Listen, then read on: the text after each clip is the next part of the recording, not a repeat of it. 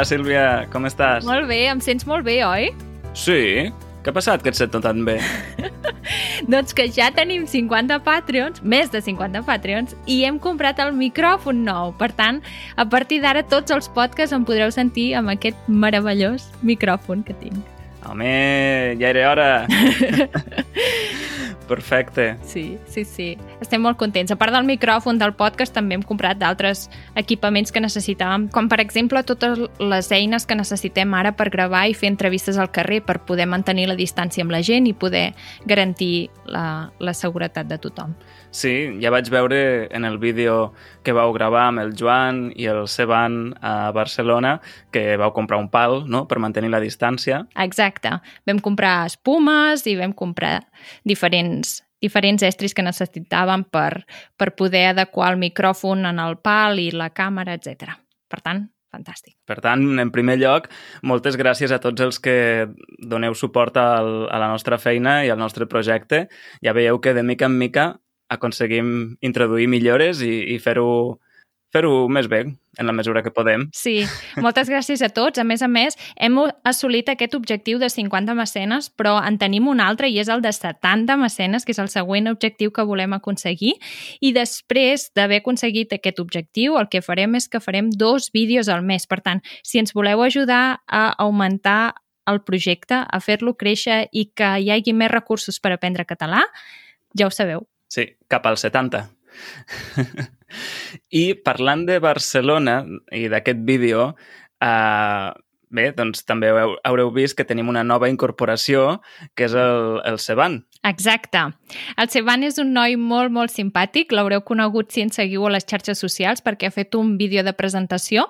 És un noi eh, armeni de l'Iran que ha viscut molts anys als Estats Units i que és un sol com a persona. És, és molt bona persona, és molt xerraire.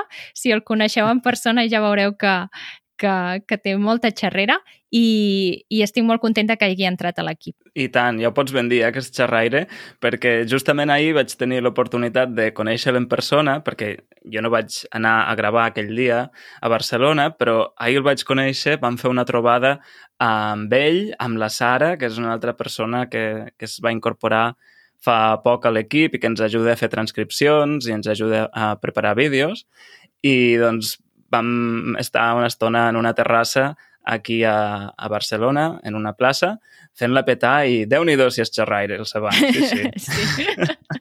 sí, la veritat és que sí. A més a més, ara aviat també coneixereu d'altres incorporacions de l'equip, com per exemple la Núria, que ha fet un vídeo sobre Altea, que és la ciutat on ella viu. Altea és a Alacant, al País Valencià. Uh -huh. Sí, i és un poble que realment no l'havia vist mai jo en imatges i aquest vídeo m'ha agradat molt perquè eh, o sigui, m'ha fet venir ganes d'anar-hi, no? perquè és molt bonic. Sí, és molt, molt bonic. És al costat de Benidorm, que Benidorm potser sí que ja el coneix tothom, però, però Altea és preciós. Sí, és el típic poble de platja amb cases blanques, no? Um, al costat d'unes platges netes, d'un blau preciós, mm. no sé, o sigui, pel, pel poc que he vist en aquest vídeo ja us puc ben dir que, que tinc moltes ganes d'anar-hi i de fer-me un bany, de, de capbussar-me a les platges del Tea. Exacte. El tema del dia. Molt bé, doncs parlant de platges, um, el tema del dia és l'estiu i la platja, concretament. Uau! Um, Sílvia, tu has anat a la platja ja aquest estiu? Doncs aquest estiu no he anat a la... O sigui, he vist la platja però no he anat a la platja. D'acord. I l'has vist de prop o, o molt de lluny? No, l'he vist de prop. El que passa és que no m'he banyat, o sigui, no m'he no ficat a dintre l'aigua i tampoc he parat al sol allà a la sorra. Ah, d'acord. I com és que no t'hi has banyat? Doncs perquè la meva sogra, o sigui, la mare del Joan, viu a prop del mar, o sigui, al, uh -huh. al Baix Empordà, i quan l'anem a veure, doncs, passem molt a prop uh, de la platja i, ah. i de vegades hi anem i de vegades no. I, i en aquest cas no hi vam anar. D'acord. És a dir que encara no t'has banyat a la platja Encara aquest estiu. no. Doncs mira, ja en som dos. Tampoc? Jo tampoc. I això que visc a Barcelona i, i, i vaja, Barcelona té platja, tot i que no és la meva preferida, Però no, no, encara no hi he anat. La veritat és que aquest estiu, fins ara, ha sigut molt poc calorós. Les temperatures han sigut molt suaus i, i ha plogut bastant, almenys a la meva zona, no sé, a Barcelona. A veure, Però- mm, aquests últims dies, sí, les temperatures han, han estat més agradables, però al juliol a Barcelona va ser horrible. Vam tenir, de fet, una o dues onades de calor que, que no eren pròpies del juliol, penso, i vam tenir molta calor, sí, sí. Ah, sí? No, doncs Sí. aquí hem estat força bé, però ara el, han dit que vindrà una onada de calor i el Joan ja ha dit haurem d'anar a la piscina. Aquí tenim el, el segon element primordial de l'estiu, que és la piscina al costat de la platja, no? Exacte. Tu què ets, més de piscina o de platja? Doncs mira, jo he de confessar que sóc més de piscina. Sí? Sí, perquè jo crec que és perquè a casa, uh, com que jo sóc de Lleida i a Lleida no tenim platja, però uh, afortunadament a casa dels meus pares tenim piscina. Aleshores, sempre n'hem tingut i la major part dels meus estius mm, els passava a la piscina de casa, no? Llavors, la platja m'agrada, però hi ha algunes coses de la platja que no m'agraden. No? Entre, entre aquestes coses, doncs, per exemple, que sol haver-hi molta gent a la platja, Sí. o és a dir, el fet que hi hagi tanta gent no m- m'incomoda. Després, també la brutícia, segons Sí. quina platja. Mm. Uh, no sé, soc, sí, soc més de piscina. Però també hi ha coses bones que estan associades. Vull dir, jo associo platja, anar a la platja, a menjar gelat. Uh -huh. No és així, el teu cas? Vull dir, quan vas a la platja no menges gelat? Um, és que vaig molt poc a la platja. vaig tan poc a la platja que... Um, a veure, crec que quan vaig a la platja, sí, alguna vegada he, he comprat gelat, sí. Sí, però és Mm. típic, no? O sigui, passeges pel passeig marítim i et menges un gelat de, de boles amb cucurutxo o no, i, i no sé, és, és típic. Sí, sí, sí, és, és típic totalment. Uh, el que passa és això, que no sóc un gran fan de la platja. D'acord. I jo he dit que solia estiuejar de petit a, a casa, a la piscina de casa. Uh, en el teu cas, on, on estiuejaves? Doncs la veritat és que mm, durant les vacances mm, les passava a casa, està clar, però Mhm. eh, quan havia d'estiuejar normalment me n'anava a casa de la meva tieta. I la meva tieta encara viu més a muntanya que nosaltres. Per tant, Ah. per tant re, de, re de platja. Mm. Però allà al Uau. seu poble sí que tenen piscina i llavors anava a la piscina. D'acord. Doncs mira, per mi això és un ideal, perquè a la muntanya a les nits, de, les nits de l'estiu són molt més agradables perquè fins i tot fa fresca. Sí, sí, jo sempre m'havia d'endur un jersei, eh? Exacte. Mm -hmm. Per tant, dorms bé, no tens problemes per conciliar el son per culpa de la calor i, i si tens una piscina ja és, per mi, luxe, vaja. Sí, sí, la veritat és que sí. Però quan anem amb la... bueno, com he dit, que de vegades anem a la platja amb el Joan, si anem a la platja normalment no hi anem quan és el pic de calor, o sigui, no hi anem al migdia, sinó que hi anem quan ja s'està ponent el sol. Vull dir, quan ja són les 7 o les 8 del Mhm. vespre, que la gent ja comença a marxar de la platja i llavors, eh, tot i que potser no són tan idíl·liques com de bon de matí, però Mhm. no fa tanta calor eh, i s'està millor i eh, també ens enduem pales per jugar no? a pilota o fins i tot eh, les pales, els rasclets i les galledes per fer castells, com la canalla. Clar. Però, però ho porteu per a la canalla o per a vosaltres? No, no, per nosaltres, per nosaltres. O sigui, encara feu castells de sorra? Sí! L'esperit l'esperit no s'ha de perdre mai, Andreu. Ai, ja tens raó. No, sí, em sembla molt bé, eh? Però ara que ho penso, jo fa molt de temps que no faig un, un castell de sorra. Què dius? Sí. Ah, és que, bueno, aquí a casa tenim un sorral per la meva neboda Mhm. i, i gairebé cada dia fem castells, o sigui que... Ah, Mm. mira, Sí. així ja en sou expertes. sí. No, però de veritat, o sigui, què fas si no, si no t'endús pales ni, ni el castell ni res? Què fas? Vull dir, d'acord, et banyes, Tornes a sortir Clar. de l'aigua, t'has d'aixugar i llavors què fas? Andreu, avui tornem a tenir patrocinador. Estàs content? Oh, tant, molt content. Sempre és una bona notícia tenir patrocinadors que ens ajudin a difondre el català. El patrocinador d'avui és NordVPN. Segurament us ha passat més d'una vegada que navegant per YouTube us trobeu que des del vostre país no es poden veure determinats vídeos. Sí, d'això se'n diu geoblocking o blocatge geogràfic en català i també passa en programes de televisió i altres continguts de mitjans de comunicació. Per exemple, TV3 no es pot veure des de tot arreu. Sí, la veritat és que és una llàstima perquè és que hi ha un contingut boníssim amb el que podeu aprendre català mentre us ho passeu bé i a més a més hi ha subtítols. Sí, en aquests casos, NordVPN us pot ajudar perquè us permet navegar per internet amb una IP ubicada en el país que vosaltres trieu. A més a més, navegareu de manera més segura perquè la vostra ubicació serà oculta i les vostres dades estaran xifrades, de manera que ningú podrà espiar-vos. Exacte. Per tant, si voleu gaudir d'un internet sense fronteres i navegar de manera segura, accediu a nordvpn.com barra easycatalan o des del web principal de NordVPN introduïu el codi EasyCatalan Podcast, així, tot junt. D'aquesta manera tindreu accés a un pla de dos anys amb descompte i un petit regal. Molt bé, doncs us deixem l'enllaç també a les notes del programa. En el meu cas, jo tinc poca tolerància al sol. Llavors, eh, necessito posar-me l'aigua cada 5 o 10 minuts. Hosti! Sí, sí, sí. És que eh, en part no m'agrada la platja per això, perquè no puc estar gaire estona sota el sol, de seguida se m'escalfa el cap massa i, i és, és fàcil que agafi una insolació. Oh. Eh, a més a més tinc la pell molt blanca Mhm. i també em cremo, aleshores no, no és el meu hàbitat natural. No és el millor lloc. No, per tant, això, jo quan, quan vaig a la platja normalment estic constantment a l'aigua, Uh o -huh. sigui, entrant i sortint o, o tota l'estona a l'aigua. Ah, A més a més, m'agrada molt nedar, llavors sempre intento fer unes braçades, no? I bé, no sé, m'agrada molt capbussar-me, bussejar... però no et molesta la sal? Eh, home, quan, quan me'n passo una glopada d'aigua, sí. No, vull dir, vull dir pels ulls. Ah, no, no, realment no. Però et poses ulleres o no? No, i crec que em, em molesta més en aquest sentit el clor de les piscines que no la sal del mar. Oh. Mira què et dic. Sí, sí, sí, sí.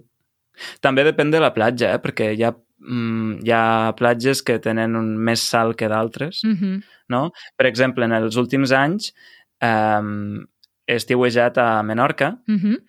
i allà les platges, o sigui, l'aigua de les platges trobo que pique menys eh, sí, és, menys, és més suau en comparació amb les platges de, no sé, la, la costa daurada o, o la costa de Barcelona, no? Oh, Mm. que curiós, doncs no ho sé. La veritat és que no he anat mai a les Illes Balears, per tant no, no ho sé, però... No? No. Hosti, doncs t'ho recomano molt, eh? Si mai tens l'oportunitat, um, com a mínim Menorca, que és la que conec més, Uh -huh. te la recomano molt perquè sí que hi ha una part més mm, turística, com en totes les, les illes, però hi ha platges i cales que estan més amagades i que són més solitàries. Uh -huh.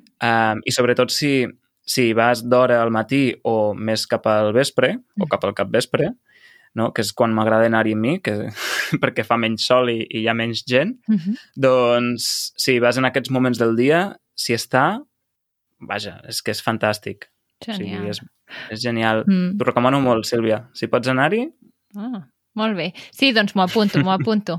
Sí, quan, quan anem cap a Menorca ja et demanaré quines platges i, i cales hem d'anar. i tant. Sí, sí. Si algú que ens escolta té planejat anar a Menorca, uh, la meva recomanació és, o bé, la meva platja preferida és una que es diu Cala Pregonda, que és al nord de l'illa, a la cara nord, i és una cala o una platja que és molt interessant perquè eh, és com una mena de badia i aleshores l'aigua, allà les, hi ha poques onades i l'aigua està molt tranquil·la Mm. i a més a més la sorra és argilenca i és d'un color rogenc, Uau. tirant a roig. Aleshores, ets allà i tens la sensació una mica d'estar com en un altre planeta, perquè tot és, és així roig, eh, rogenc, i l'aigua super tranquil·la, no? I dius, Ui, és, és estrany, és diferent a, a les platges habituals. Sí. Sí, sí. Sí, és que és curiós això de les platges. Vull dir, si vas cap a Canàries hi ha platges que són en, en, com negres, no? O sigui, que la, no hi ha sorra, sinó que és eh, terra volcànica. O, Mhm. o això, n'hi ha que, que són de pedres, n'hi ha que són rogenques, molt bé. Mhm. La veritat és que aquí tenim molta sort, eh? Amb, amb el tema platges, perquè tenim tota la costa catalana i, i del País Valencià. Les, tenim les platges també a tocar de les Illes Balears, Menorca, Mallorca, Eivissa, Formentera. Mm. Mm. Sí, No? sí, sí, sí, la veritat és que... Tenim la Costa Brava, que és preciosa. Sí, sí, és que és preciós. Segur que hi ha, hi ha molt, molta gent que estiueja cap a la Costa Brava o Costa Daurada i, i és que és preciós. O sigui, si has anat mai, als pobles de costa, als carrerons, els passeigs marítims, és que són, són tots preciosos. Mm. Per a qui no ho sàpigui, la Costa Daurada és la costa de la part de Tarragona i la Costa Brava, la de Girona. I la de Girona és molt coneguda perquè té, eh, té moltes cales, que són Mm. aquestes platges petites, no?, que estan Sí. eh, entre roques i que són de Mm. difícil accés. Moltes vegades has d'anar-hi per un caminet, Exacte. no? Has de fer una ruta a peu per accedir-hi. Sí, O anant per, per el camí de ronda. Sí. Uh -huh. El camí de ronda, eh, què és, Sílvia? Explica una mica. Doncs el camí de ronda és un caminet molt estret que segueix la Costa Brava i que pots anar de poble en poble de costa per aquest caminet. I llavors vas seguint tota la costa, o sigui, tot el mar, per la vora per aquest camí. Hi ha molta gent que s'endú a tendes de campanya i fa camins de ronda o trossos de camins de ronda. I llavors va d'una població a una altra i va a peu i dorm amb aquestes tendes de campanya o, o fa vivac. És molt interessant. Sí. Jo vaig fer un, un tros del camí de ronda. No el vaig fer tot, però una part sí. I és molt bonic. Sí. Depèn, Sí. depèn del tros que agafis, pot ser que hi hagi moltes escales uh, o po pot ser que sigui més escarpat o pot ser que hi hagi més cales, depèn. Sí, o sigui, si aneu a fer el camí de ronda, sobretot no hi aneu amb xancletes. No, no, sisplau. Heu d'anar ben, ben calçats. Sí, sí, això està clar. amb calçat de muntanya i després les xancletes a la motxilla. Sí. Que està clar també que anireu passant pobles i, per tant, si no ho heu comprat, ho podreu comprar a les botigues, però estaria bé ja portar-ho de casa. Sí, sí sempre s'ha d'anar preparat. Sí, Um, la crema solar, l'aigua, sí. I, el banyador. Sí, i tenir la ruta també molt ben planejada, no? Perquè hi ha molta gent que diu, ah, anirem a fer això, i quan són allà canvien d'opinió o canvien de ruta i llavors hi ha, per, hi ha petits incidents. Però sí, si ho portes ben preparat i, i tota la motxilla, no hi ha cap problema. Uh -huh. I Sílvia, per a tu quin és el millor lloc per anar a la platja? O quina és la teva platja preferida?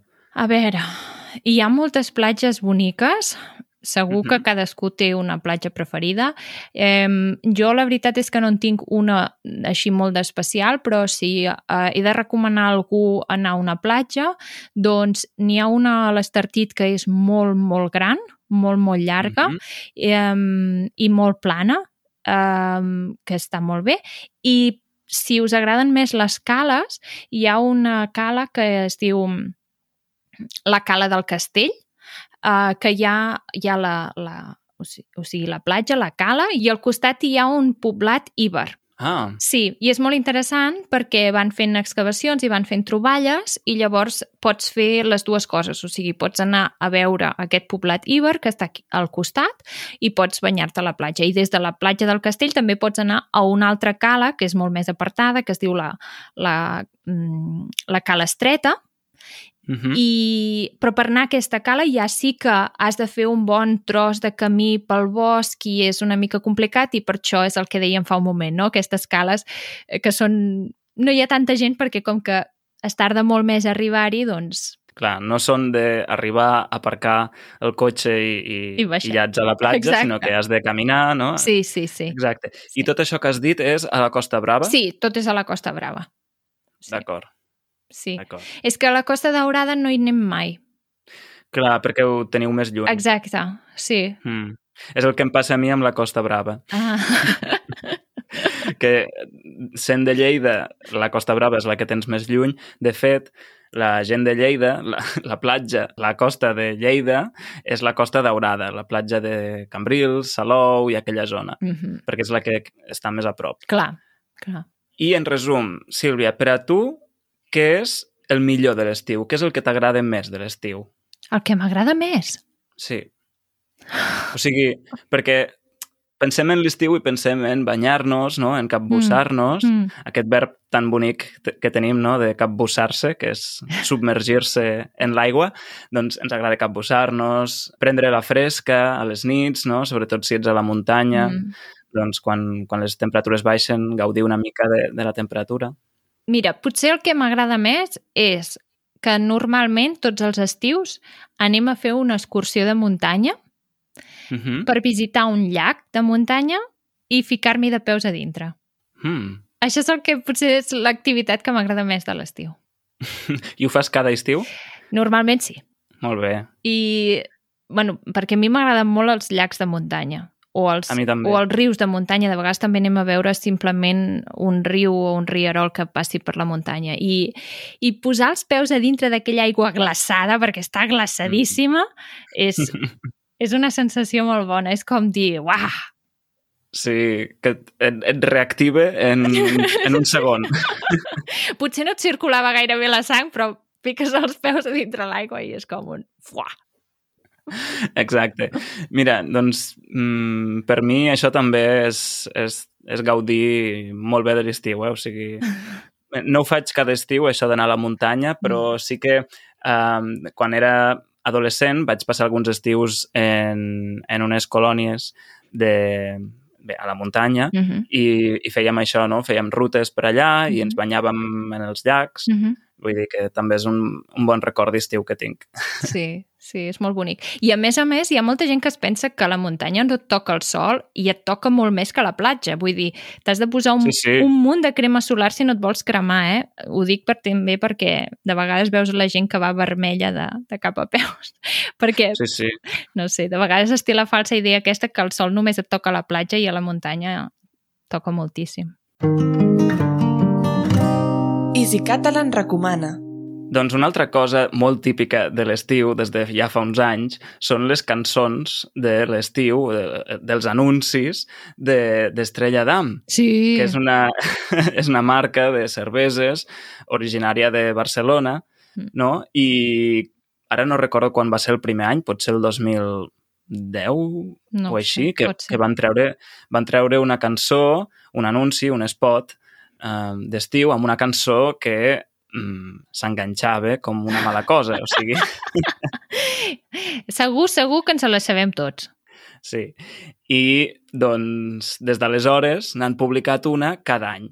Aleshores, cada vegada, bé, cada any, quan s'aproxima l'estiu, tothom ja espera a veure quina serà la cançó de l'estiu d'Estrella d'Am, perquè realment ha marcat molts estius. Sí. Aquests, aqu aquestes cançons han, ens Sí. han marcat d'alguna manera o d'una altra, ni que sigui involuntàriament perquè les hem sentit tot el dia a la ràdio o a la tele, però s'ha de dir que són cançons que estan molt bé, que tenen transmeten molt aquesta sensació d'alegria, Sí. no? de... Sí, exacte. És que potser potser és una sensació meva, eh? però abans de que fessin aquests anuncis, sempre hi havia com la cançó de l'estiu, no? que era una cançó, un hit, que, que es posava molt de moda i sonava sempre, sempre, sempre. Però llavors es va agafar com que la cançó de l'estiu era més aviat la cançó que havien posat en aquest anunci, que no és que faiguin la cançó per l'anunci, sinó que la cançó ja existeix i llavors fan l'anunci. Sí. No? Uh -huh. Um, i, I sempre com que et posen aquella cançó i te la posen tantes vegades, fins i tot a les festes majors, vull dir, si ve l'orquestra a tocar, doncs s'ha de prendre la, la cançó de l'estiu, no? Doncs, doncs potser ha, ha agafat una mica el relleu aquest de, de la cançó de l'estiu, no sé, potser és una sensació meva. Sí, sí. La qüestió és que les cançons de l'estiu d'Estrella d'Am són conegudes arreu del, Sí. dels països catalans, diguem-ne. I, I bé, doncs us deixarem un enllaç a les notes del programa amb una llista de reproducció de YouTube en què podreu escoltar totes aquestes cançons. I per tant, si aneu a la platja i voleu posar una mica d'ambient, Mm. no? doncs, doncs ja ho sabeu. doncs una altra cançó que està relacionada amb la platja i que el Joan sempre canta és la cançó... és la cançó que van fer els de Plats Bruts. Home, i tant, la tanga. Sí. Sí. A veure, penso que primer de tot hauríem de parlar de Plats Bruts, perquè crec que és una sèrie que mm, potser molts de vosaltres, els que ens escolteu, ja l'heu sentit, eh, l'heu sentit esmentar, potser per part nostra alguna vegada, però hem de parlar què és Plats Bruts, hem de dir què és Plats, Plats Bruts, no? Per què és important aquesta sèrie? Doncs és una sèrie catalana de fa ja bastants anys um, uh -huh. i va ser molt, molt exitosa i que encara ara ho és a hores d'ara perquè fan reposicions cada dos per tres i són uns capítols molt divertits, amb molt d'humor, però també amb molt de l'actualitat catalana. Vull dir, si hi ha algun aprenent que vol veure Plats Bruts, segurament li costarà una mica de seguir el, el fil de la sèrie perquè potser fan servir molt, molt argot o moltes paraules de, de la cultura. Sí, o sigui, fan servir un llenguatge molt col·loquial, això és veritat, però bé, és una sèrie que és això que has dit tu, és un clàssic que la posen cada estiu, precisament, no? i és una sèrie de... és una sitcom, no? una comèdia de situació, i va ser, penso, la primera sitcom catalana, no? Sí, jo diria que I, sí. I, vaja, uh, és molt divertida. Sí. Pràcticament tothom l'ha vist aquí i com a mínim una vegada. Sí. Sí, i hi ha un episodi, l'episodi 59, que es titula Tinc ritme, en què els, els protagonistes uh, de la sèrie se'n van a la platja i canten una cançó que és La tanga. I ara ens faltaria el Joan per cantar la tanga. És que jo no em sé la cançó aquesta, la veritat, no me la sé, però és que el Joan se la sap perquè els seus pares, es, en l'època que va sortir aquest episodi, es van comprar sí? el CD. Què dius ara? Sí. I el portaven al cotxe i, clar, se sap totes les cançons.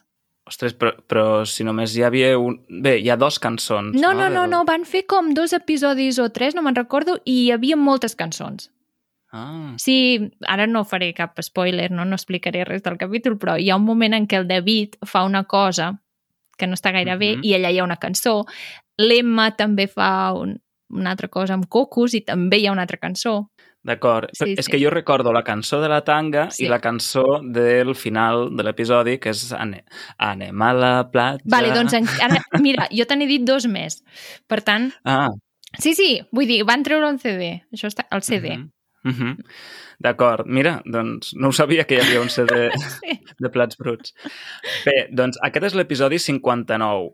Um, podeu començar per aquest episodi i si us agrada començar la sèrie des del començament o directament des del començament. I, vaja, segur que, segur que us agradarà. L'expressió de la setmana. Doncs com a expressió de la setmana m'agradaria recomanar l'expressió fer l'agost. Andreu, fas servir aquesta expressió, fer l'agost? Uh, alguna vegada sí, sí, sí. I has fet mai l'agost? Mira, com a traductor és difícil fer l'agost. A veure, expliquem què significa. O sigui, fer l'agost significa guanyar molts diners en alguna cosa. Vol dir eh, tenir molts beneficis en alguna cosa, normalment en molt poc temps. Sí, eh, fer l'agost és una cosa que no necessàriament es fa al mes d'agost. Mm, Vull dir, per exemple, eh, no sé, els venedors de jerseis fan l'agost a l'hivern, Exacte. d'acord? Perquè, perquè a l'hivern venen molts jerseis Mm -hmm. i abrics. Mm. Doncs, um, i a l'agost, qui fa l'agost són, per exemple, els venedors de gelats o els venedors de banyadors o, sí, no? Exacte. les, ag les agències de viatges. Mm -hmm. Exacte. Mm -hmm. Sempre que hi ha algun fet extraordinari, hi ha una persona, una, una sola persona que ven aquell producte, doncs normalment fa l'agost, no? Perquè es posa de moda, era l'única persona que tenia aquell producte i, per tant, tothom va comprar allà. Exacte. Quan de cop algú veu una oportunitat de negoci i, i aprofita per vendre en el millor moment, doncs fa l'agost. Per exemple, els tècnics d'aparells d'aire condicionat, no? que fan l'agost cada estiu, potser fins i tot abans de l'estiu. Sí, sí, abans. I, perquè quan és l'estiu llavors ja van una mica tard, no? I llavors la gent sí. ja té pressa. Exacte. doncs esperem que pugueu fer l'agost tots vosaltres d'alguna manera. que sempre va bé. Sí. Molt bé, Sílvia. Doncs jo penso que aquest episodi ja el podem deixar aquí. Um, la veritat és que ara tinc moltes ganes de capbussar-me, sigui a la platja, en un riu o en un llac, però tinc moltes ganes de banyar-me. Sí, és que amb la calor sempre, sempre ve de gust.